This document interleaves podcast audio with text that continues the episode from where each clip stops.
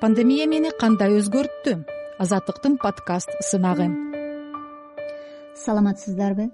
Баткен шаары кудайбердиева канышай кырк тогуз жаштамын.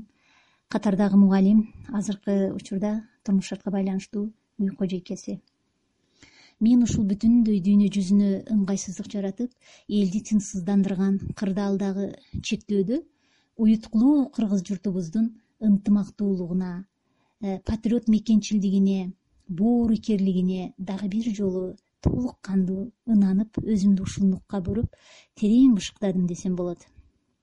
Биздин элдик менталитетинде индивидуалисттик коммерциялык жана технократиялык дүйнө жоготуп таппай калган эң мыкты сапат касиеттер бар.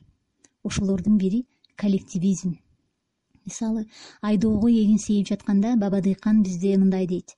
Жылуу жерден конуштап мунусу жетим жесирге мунусу алсыз карыпка мунусу курт кумурскага мунусу сурамчы тилемчиге саламчыга сизге бизге мага.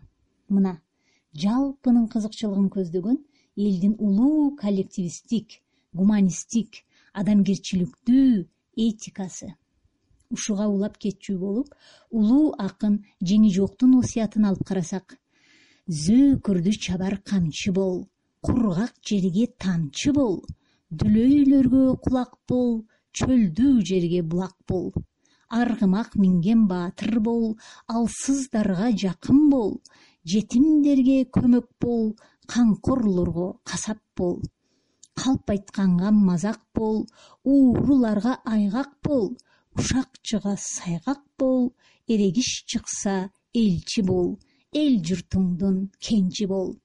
Кара өзгөй болбой калыс бол кошоматтан алыс бол жери жокко конуш бол эти жокко союш бол деп. Ушул улуу акын жеңи жоктун бул осуятында адамдык атуулдук патриоттук жүрүм турумдун бүтүндөй бир кодекси башкача айтканда программасы берилген азыркы кырдаалда карапайым элдин арасынан чыккан ыктыярчылардын боорукер атуулдардын уюшуусу астында элге көрсөтүлүп жаткан жакындан жардамдарды көрүп отуруп таасирленүү менен ойгонуп өзүңдүн оң жакка ишенүү менен өзгөрүлгөндүгүңдү билет экенсиң. Жогорудагы элдик моралдык адеп ахлак нарктары кечээки ата бабаларыбыздын жүрүм турумунун регулятору болуп келген. Жана тарыхтын аяздуу бороон чапкындарында улутубузду уюткулуу улутубузду журтубузду аман эсен сактап келген.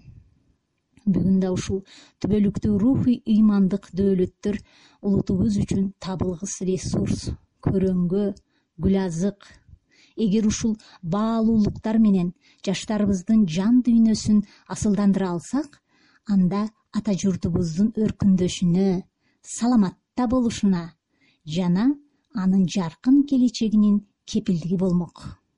Рахмат. Пандемия мени кандай өзгөрттү? Азаттыктын подкаст сынагы